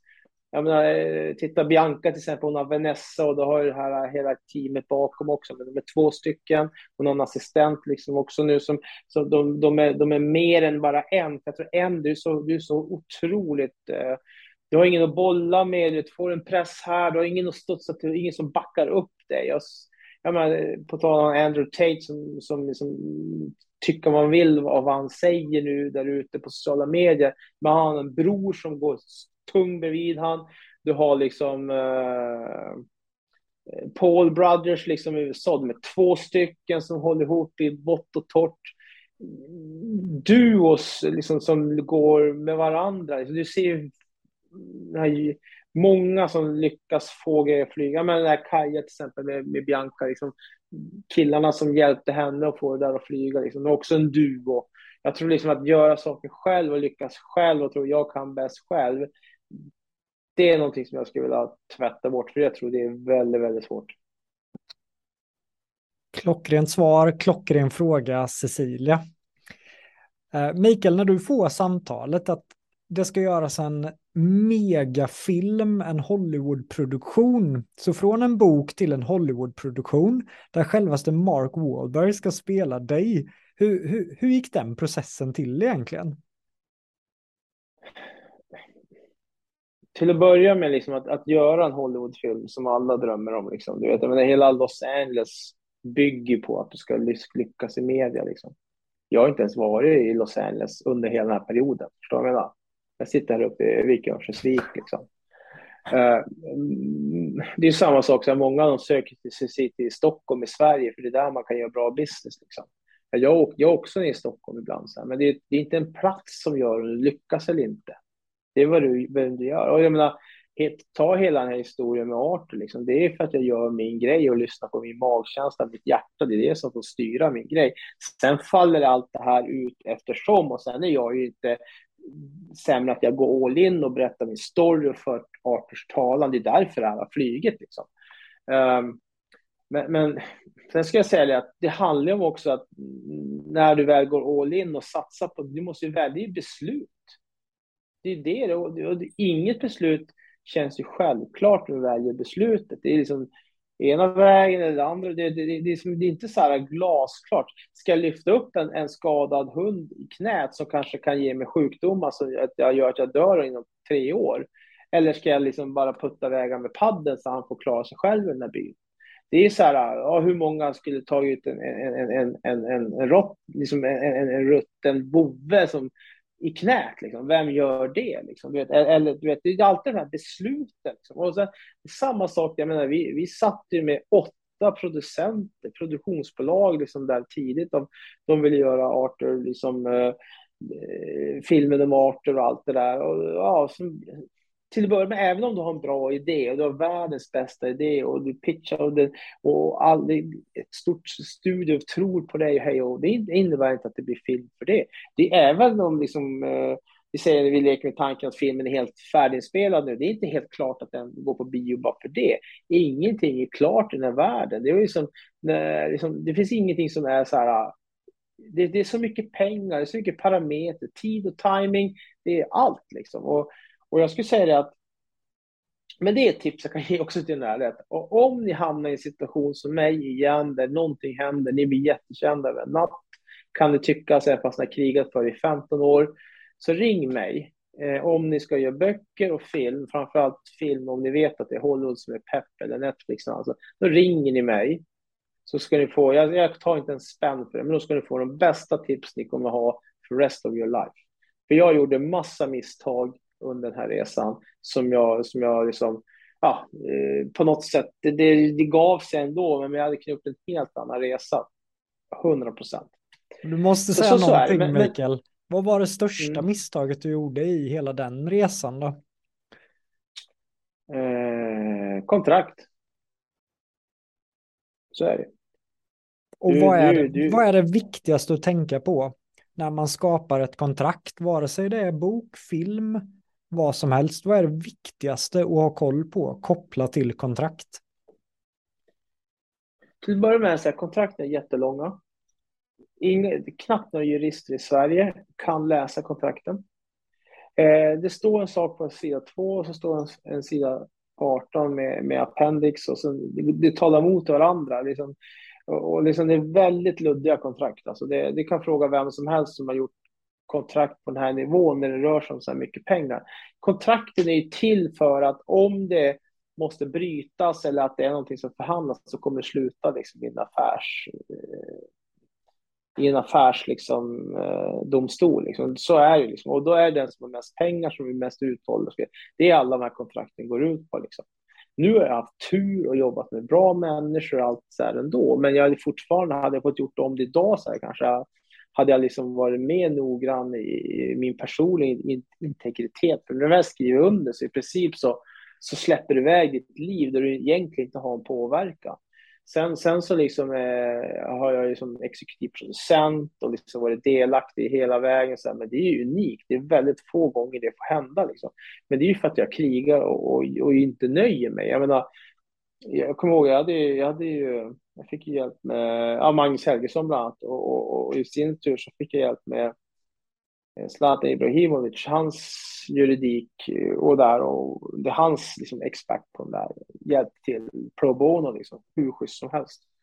Uh, och, och liksom för att liksom reda ut allt det där. Så att jag skulle säga hela kontraktssidan är svår i, i alla de här sakerna. Det, det är väldigt få som klarar av det. Engelskan är ju jättesvår, men även för den som har som har pluggat mycket. Så det är väldigt, väldigt, väldigt svårt att förstå hur det här funkar. Och de är gjord så, så att det inte ska vara så här helt glasklart. Det ska vara tolkningsfrågor. Liksom. Så, att, så det, där, det är väl en sak som jag skulle ta med mig. Liksom, att, och sen är liksom, det är business. Får inte glömma bort att, att liksom, hela media är ju business. Liksom. Det finns inga känslor där. Det, det, får man inte glömma bort, även fast hela min historia är, är känslor. Liksom. Men jag skulle säga att det, det får man inte glömma bort. Sen har jag haft enorm tur. Jag jobbar med Takituli som är en av de största producenterna bort med Mark Canton som, som liksom gör de här Power bland annat, den tv-serien där. Det är deras. Ehm, um, Takituli har gjort en massa coola grejer. Den of Thieves, 300, du vet, de, det är bra gubbar liksom. Så jag har haft tur i allt det här. Men, men jag skulle liksom mer men samtidigt, säga... Där vill jag liksom, pausa dig Mikael. För du, du Mm. nämner Zlatan Ibrahimovic, agenturer. Det är som att du alltid lyckas på något sätt jobba med de bästa i världen och jag har svårt att se att det bara kan vara tur. Varför tror du att de ändå väljer att jobba med dig? Går vi tillbaka till det här att du tror så hårt på det du pitchar in eller vad, vad tror du det beror på? Att du får inte de här medelagentur, du får ju världseliten att vilja samarbeta med dig. Ja, men tyvärr, jag tror det är från elitidrotten. Liksom. Jag, jag, jag går alltid högst. För alla de är rädda att jobba med de som är bäst och störst. För att de tycker att de är inte på den nivån. Så jag skulle säga att det är en stor del. Sen så är det ju som just med, där var ju Magnus Helgessons kontakter, så kontaktnät är också otroligt viktigt. Det var han som hjälpte mig med, med, med att få till dem. Men sen har jag haft liksom bra agentur runt omkring, WMI, jag har Kalle Bodén som också var agent som har hjälpt och styrt i, i hela den här businessen. Liksom. Men det här var så, så, det var så hårfint och hela min eh, WMI i Los Angeles, ja men skriv på, skriv på, skriv på det här liksom, du vet. Medan jag gjorde inte det och sen så, så visade sig att jag gjorde, jag, jag gjorde helt rätt. Så att jag hade rätt hela tiden. Mm. Så, att, så att det blev liksom så här, men det är inte så här, det är inget så här personligt, utan det är bara, när du, du får bort, när det är så här, jag gillar det personliga, liksom, det är så jag jobbar, men det här, då går det här bort, då är det bara, det är bara business. Då är det liksom agenter mot varandra, juridik mot varandra. Och det här får man inte hålla på att vara personlig. Tror jag. Men vi har ju sagt så här. Ja, men står det verkligen på pappret? Mm, nej, det gjorde det inte. Så att, så att liksom, det är väl en lärdom som jag har med mig. Så här. Men nu har jag som sagt haft tur och jobbat liksom med, med superproducenter. Så här. Men många har sagt det hela tiden till mig. Liksom, du vet, att det är inte klart förrän det är klart. Så, så, så är det liksom. Det, det, vi ser ju, det är ingen bio, är inte, det är ingen biofilm än ute i biograferna. Så att liksom, eh, det, det, det är allt tur och timing. Det är det, det. Och, sen, och sen hårt jobb. Du pratar ju om, åh vad heter han nu? Ah, eh, Aron eller? Aron, precis. Du, du säger så här, ah, han gjorde det här, han gjorde de här äventyren och, och så säger liksom att, ja, ah, sen kommer han som var med i Let's Dance. Liksom. Vet, då tycker man så ah, vilken tur han hade. Jag har ju träffat honom, käkat lunch med honom. Han är svinskön till att börja med. Han är en jättebra kille. Men det han har är att han är hard working guy. Han jobbar stenhårt. Han är, jag gissar, han är någon som föreläser bland dem. Jag, jag, jag kan ingen statistik, jag utgår från att han är någon som föreläser mest. Han krigar, han är där ute, han gör dealer, han vilar, han grejer, han är där hela... Han, han stöter, det, det, det är ingen lek att vara liksom en av de där ute och, som folk pratar om. Att vara en svensk liksom, kändis idag och vara där, du måste vara med i alla forum. Youtube-kanal, du har ju Anis Don Demina till exempel. Han kör sin, jag menar, är han på tv, då kör han egen, sin egen Youtube-kanal, är inte Youtube, då DJar han så gör den här. Det här är hardworking guys och girls. Alltså det är de som jobbar hårt hela tiden. Och sen så får de en break och så får de kanske ja, då, då, då får de med programledarroll där eller där. Så, åh, vilken tur de hade. Nej, det är för att de har jobbat hela tiden. Men det är kanske inte att de har jobbat mot just den rollen, men de har varit där hela tiden. De jobbar liksom säkert dygnet runt. Jag menar, jag har väldigt bra relation med Anders Bagge till exempel genom många år. Dels genom kontakter med, med, med hundar och, och sådär. Liksom, vi båda är liksom hundmänniskor. Uh, och där liksom, det, vi pratade om det också, liksom så här, du vet att, ja men helger liksom. Vilken entreprenör är där ute som är där ute och tar helgledigt? Det är bara att titta nu vad som händer liksom på LinkedIn eller allting. Vet, det hade inte ens, klockan hade inte ens gått över juli innan det var bara bombas liksom, eh, på, på medierna. Att nu är det här kampanjen, hej och hå, den tränings, den här träningsgrejen, den här coachningen, den här, här. Det, det, är ingenting som du bara, oj, nu har jag börjat jobba, nu sätter jag igång det här. Utan det är folk som de tar ingen semester på sommaren. Så det är den här lyxen som många har, liksom, att ja, men vi åker semester dit och lördag, söndag, det är med kidsen. Så här. Men de som lyckas där ute, de tar inte lördag, söndagar liksom, fri. Ja, men jag, jag vet inte när jag hade en ledig dag sist. Liksom. Helledig. Jag är där hela tiden och krigar. Liksom. Och hittar nya och ringer där. Alla kan ringa mig 24-7. Liksom. Svara inte och ring upp. Liksom.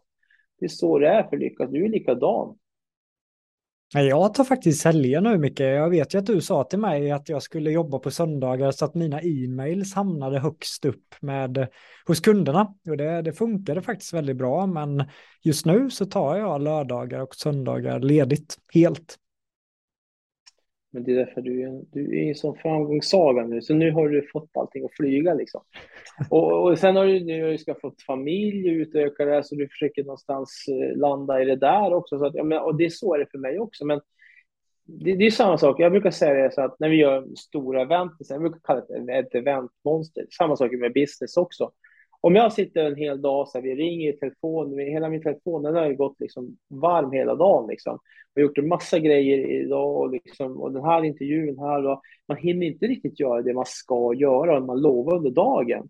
Så det, menar, det finns ju väldigt få entreprenörer där idag som säger oj nu är klockan 16 eller 17, nu hämtar dina barn och så sitter man där hemma och tittar på Netflix. Liksom.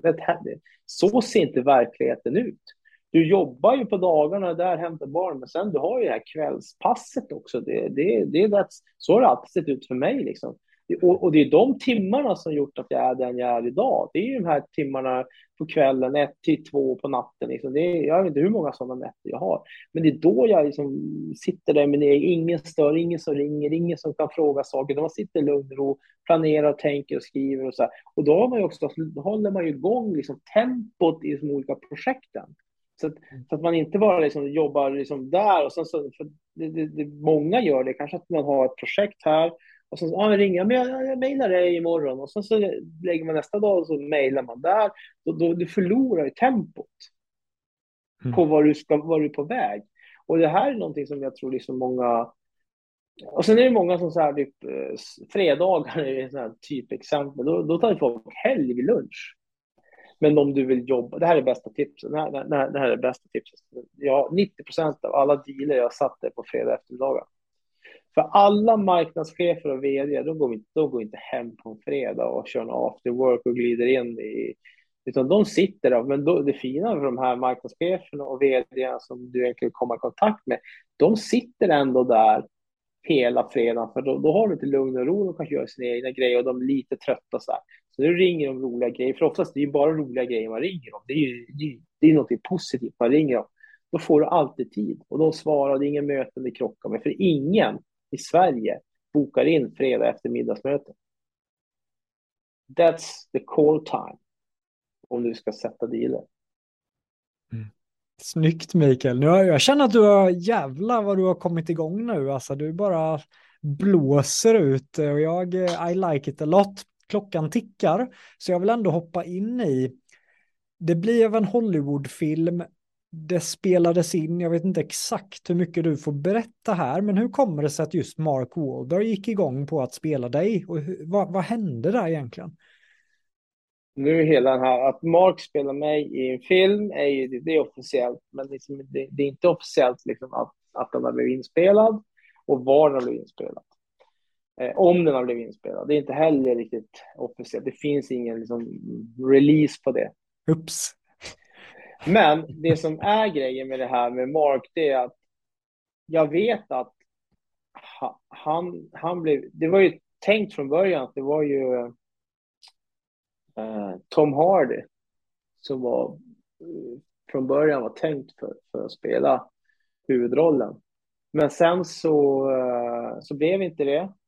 Och jag tror när Mark fick frågan till sig så tog det bara någon, någon, alltså minimalt med tid. Och, och då blev, eh, han var ja.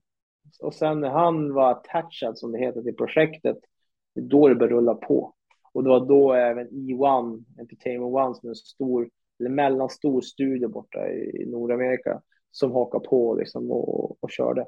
Men det var ju också för att Mark var touchat och Mark ringde vdn där. Det är mycket, du vet, vi pratar om kontakterna liksom. Och då blev ju de så fascinerade att Mark ringde om det här. För att Mark, han förälskade sig i storyn om Arthur. Och, och, och, det var det som gjorde att, att de, ja men då kör vi, då hakar vi på. Så det är mycket det också, det är tillfälligheter och att det är rätt folk, kontaktnät, att det är ett namn som är touchat och så vidare. Jag menar, That's, that's how it is lite grann. Och sen ska, men sen ska jag säga, du pratar om film och hur, om det ska bli film och så. Du vet, varje år i Los Angeles så är det ungefär 100 000 manus som krigar för att det ska bli film. Det finns ett fyra, femtal studios som, som, som producerar film. Liksom. Uh, men, men, men under det här pandemiåret, så av de här 100 000 manus så ett vanligt år, ett vanligt liksom år så görs ungefär 100 filmer, 100 till 150 filmer. Det var det som produceras. Några når biograferna här i Sverige, några går på de här äh, mediaplattformarna medieplattformarna och några liksom blir på någon biograf som ingen ser och någon går direkt till tv och någon kanske går direkt direkt. Så, ja, ja, nu finns det inte VHS-kassett eller DVD längre, men du förstår, det, det, det är så det funkar. Men, men så ungefär 100 filmer. Men, men nu under pandemin så var det 10 till 15 filmer som blev av. Så bara komma igenom det där lilla nyckelhålet och bli film. Du vet, det är mycket som ska stämma in och stjärnorna ska stå rätt och allt. Och även fast du väl börjar spela in en film eh, första veckan, andra veckan, det innebär inte att det blir film ändå. Det, det kan vara så här avbrottat, ja, men som i pandemin. Det blev liksom eh, eh, corona i filmteamet så måste du avbryta. Då måste du avbryta två veckor enligt reglerna. Två veckor enligt reglerna, det kostar liksom 100 miljoner. Liksom. Så att det, gör, det spräcker budgeten, vilket gör att en film kan gå konkurs och så vidare. Så det, är, det är ju en eh, otroligt tuff värld det här. Och skulle jag rådgöra, om det är någon som frågar mig om tips så ska man verkligen råda någon att tänka igenom en av två gånger om man tycker att det är värt det. För jag menar, för, för mig här med film och med art, det har gått åtta år. Det är snart ett decennium. Så det är inget, inget, det är inget, det är inget quick fix liksom. Mm. Vad, eh, hur var det första gången du träffade Mark då? Jag hade ju varit rätt nervös. Eh, hur gör man ett gott intryck på en av Hollywoods främsta skådespelare? Du ställer frågan för att du vet vad som hände? Nej, det var så roligt. Det vet jag inte. Vet inte om... Nej, du vet inte. Nej, men då, då ringer Tucker så här. Jag pratar med Mark. Jag bara, jo. Alltså, jo, jag har ju telefonnummer till alla Hollywood-kändisar i hela världen. Det är klart jag har ringt han. Nej, jag har inte ringt Mark. Jag har inte pratat med han. Nej, jag har inte ringt. Ah, så, så rings det så här. Och så, så gick jag på toaletten då. Och satt där på toaletten och sen i mörkret så ser jag dolt nummer och sen är det Facetime, så jag klickar liksom bara igång telefon på Facetime. Från toaletten? Ja, jag sitter på toaletten. Och så, så tittar så, så, så är det Mark och jag bara, och jag får sån panik vet du. Så jag bara, han bara, hallå buddy, och sen så var det, jag bara, hallå Mark. Och så, så bara försöker liksom, vet, på något sätt torka mig där så jag inte syns. Jag sitter på toaletten liksom, och glida därifrån och sätter mig här där jag sitter nu inne på kontoret. Och, och Helena eh, hör ju det här som kommer in och liksom hon blir så uppspelt och så man ser ju hela luren i Mark Wahlberg. Och sen så Helena blir så uppspelt så hon tar fram sin mobil. Eftersom det är mörkt i rummet så går ju blixten på hennes mobilkamera så det bara blixtrar i hela rummet där. När jag sitter och pratar med Mark och bilderna sen efteråt alldeles suddigt så blev det ingenting ändå vet. Och så jag kommer inte ihåg ett ord vad han sa.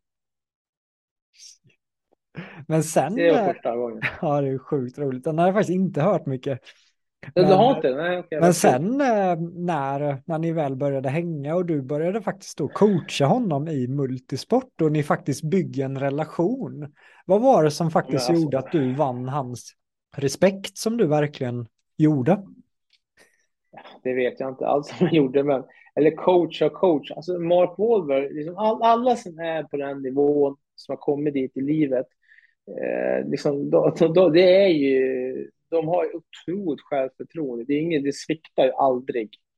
Så säger jag till Mark Wahlberg att inte han kan paddla kajak, liksom, det händer ju inte.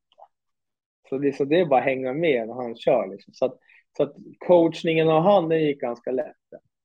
Men det ska sägas att han är ju en maskin. Så det här är liksom, du vet, man har ju sett de här ESPN-reportagen. Liksom, han går upp fyra, fem på morgonen och tränar och grejer. Och jag tänkte, det där är ju bara en myt.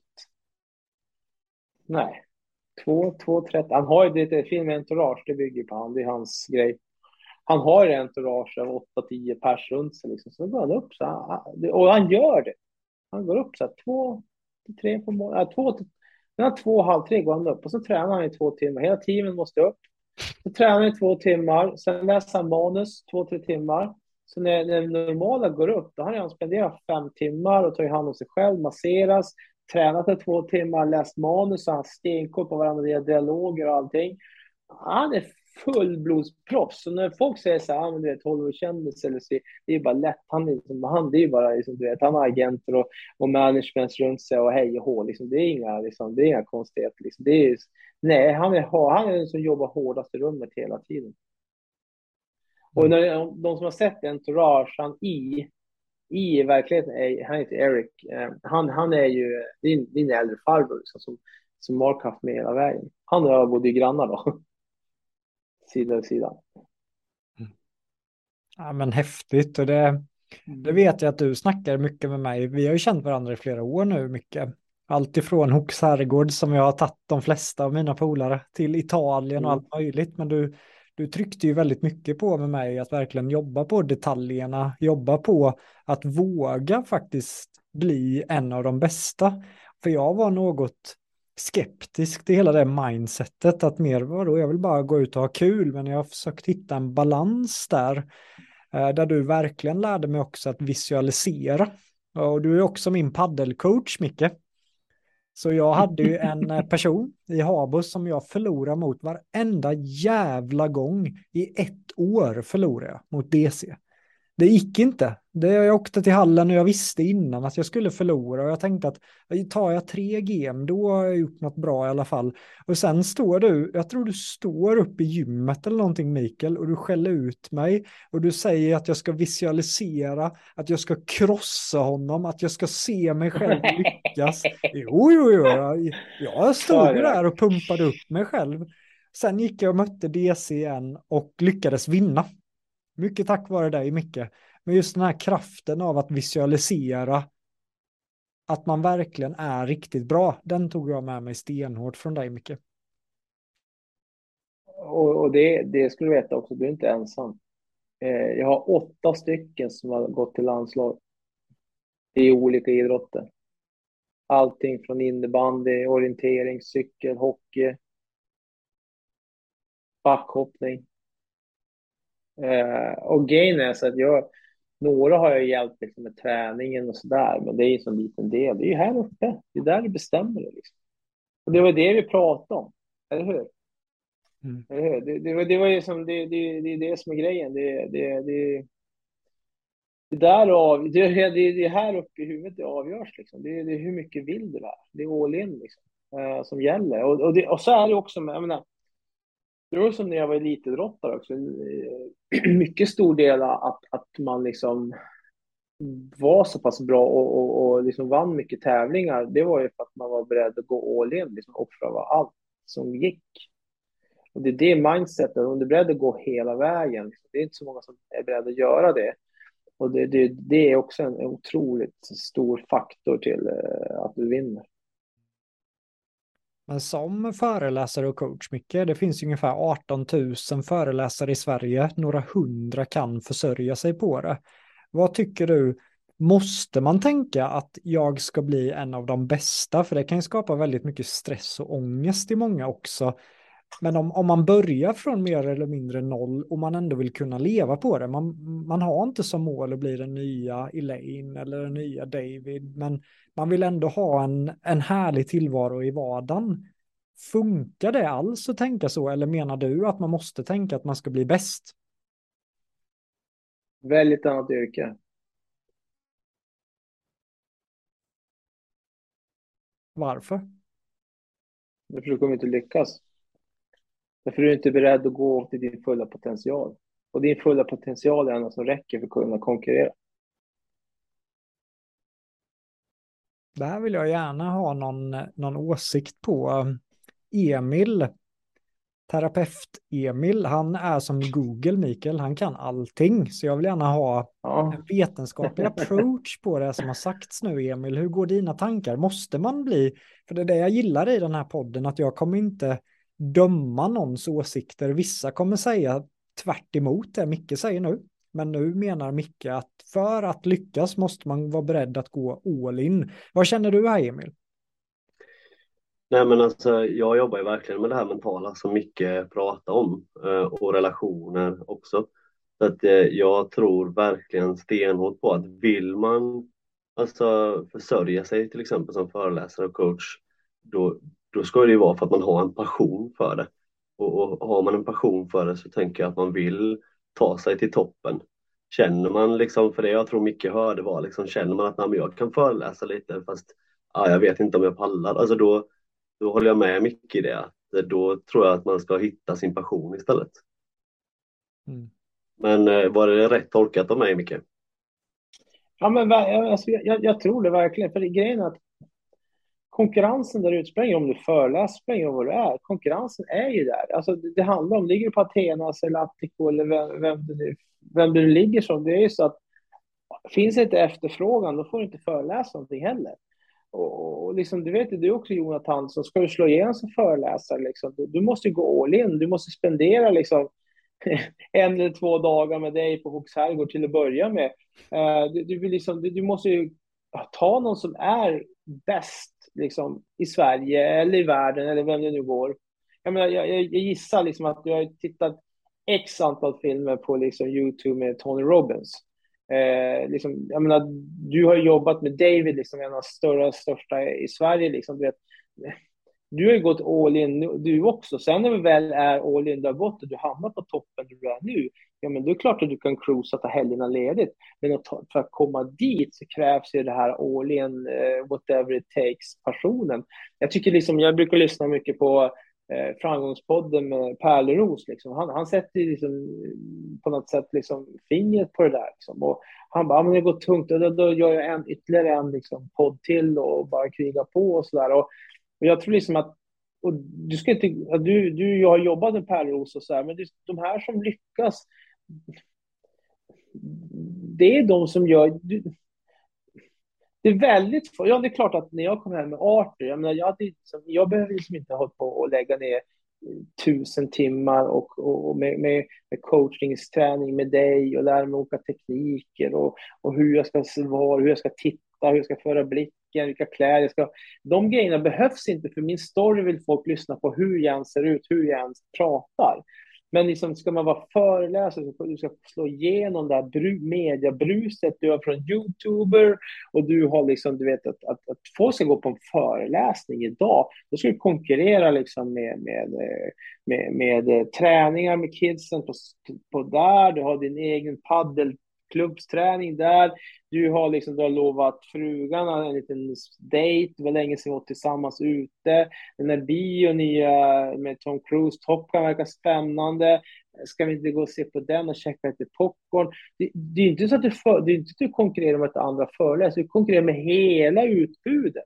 Om du då ska gå och slå igenom så, så kommer det inte räcka bara att du liksom glider fram där och sparkar skorna vid, vid scenkanten och så bara sitter helt plötsligt folk framför dig och bara wow, liksom. ja det kanske funkar om det är liksom eh, någon som är superkänd och för första gången gör ett framträdande. Men ska du vara där ute? Liksom? Men kolla Gary Wheaton, liksom, vi har pratat om tidigare. Liksom. Han sprutar content på alla kanaler dagligen. Liksom. Det är ett 24-7 jobb. Liksom.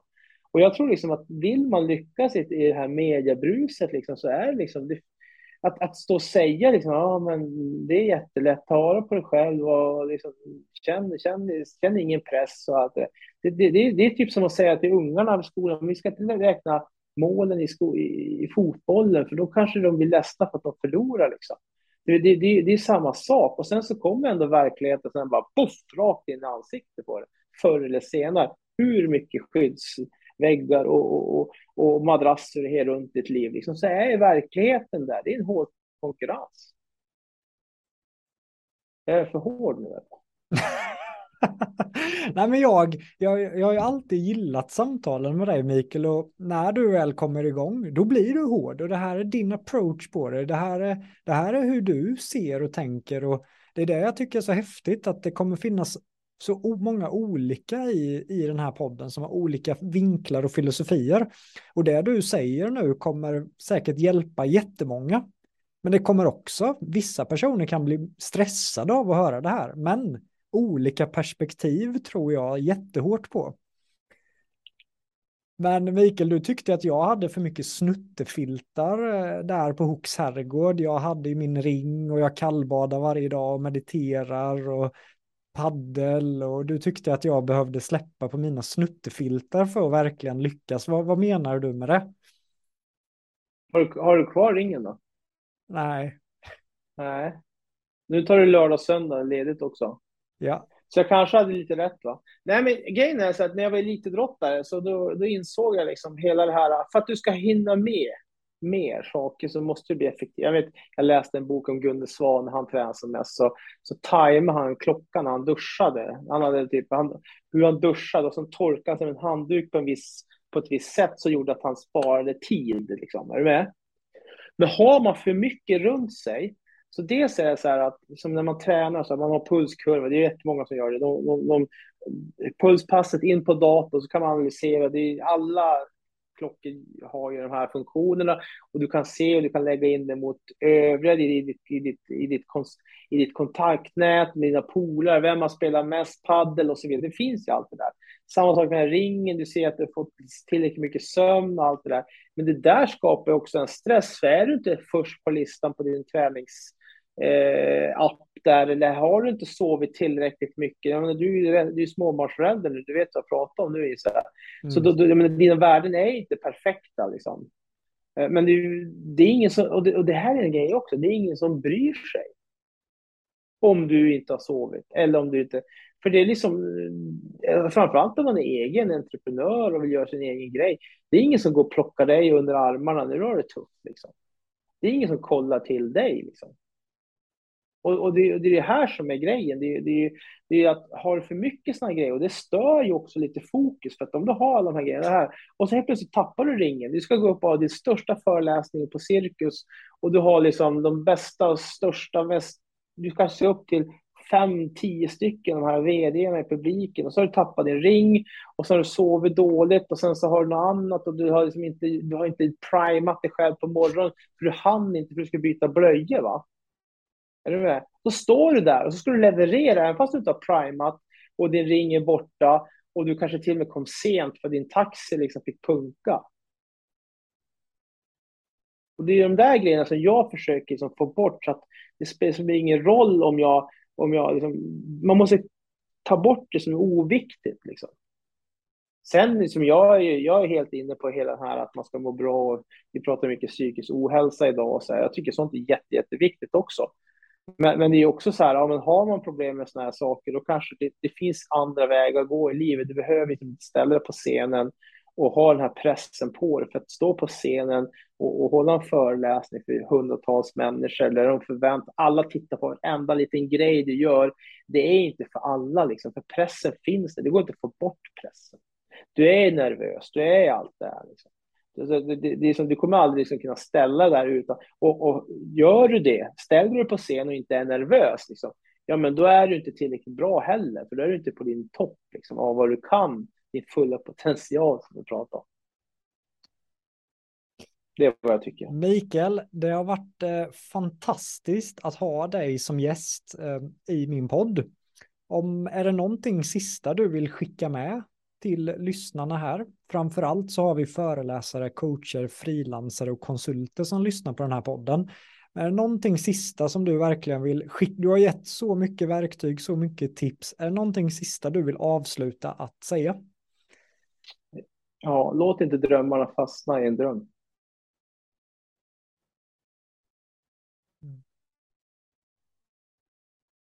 Tack för det. Tack själv. Vart, eh, om man vill anlita dig som coach, eh, jag vet inte om du tar in så mycket sådana uppdrag längre nu Mikael, med alla andra filmprojekt och grejer du är en del av, men om man vill anlita dig som coach eller föreläsare, vart, eh, vart hittar man mer information om det? Ja, men jag är på linnord.se, det är min hemsida. Eh, sen har jag då ett Instagram där man kan DMa mig, Mikael Lindnord heter jag där.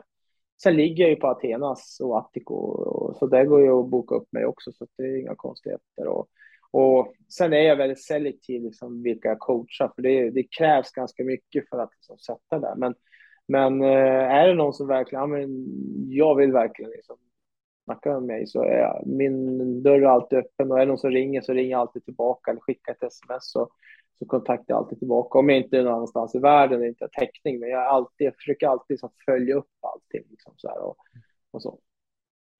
Du vill främst jobba med människor som har ett form av elit. eh, Jag vill nå den absoluta toppen. Det är främst de personerna du går igång mest på va? Ja, alltså, man ringer inte mig om man vill ha pepp. Man ringer till mig för att fråga hur man ska göra. Ska jag säga. Eh, jag, jag är ingen som drar någon upp. Jag är snarare sådana ett, men, ta det lite lugnare här, gör det här. Typ lite så är jag. Det, det. Men jag är ingen som säger, oh, jag har jag har jättesvårt att gå och träna. Jag vet att jag behöver, jag orkar liksom inte på grund av si så. Då, då, är, då finns det många som är mycket, mycket bättre än mig. Alltså de här, men däremot är det någon som vill nå extrem framgång eller bli elitidrottare, eh, eh, ta på sig en, en, en gul och blå tröja i något landslag, då ringer man mig. Snygg pitch. Mikael, du har ju fått en hel del coachning av mig. Vem, vem Mm. skulle du rekommendera som är sugen på att bli föreläsare eller coach? Vilka tycker du borde gå igenom mina program? Eh, alla. Nej, men alltså grejen är, du är ju sjukt bra, det har jag sagt från första stunden. Liksom. Du, du, du kan ju det här. Alltså du är ju liksom number one. Det har jag ju sagt från första stunden vi satt och käkade. Då, när du pratade med, men då jobbar du med David. Jag sa, varför gör du inte det själv liksom? Och förlåt David om, om, om jag har påverkat eh, Jonathan här. Men, men, men du är ju liksom next level. Liksom. Du är ju den där uppe. Så även fast du vill ha den där mjuka approachen liksom, så är du, du är ju en av de absolut bästa. Så är det ju liksom. Punkt. Tack så jättemycket Micke.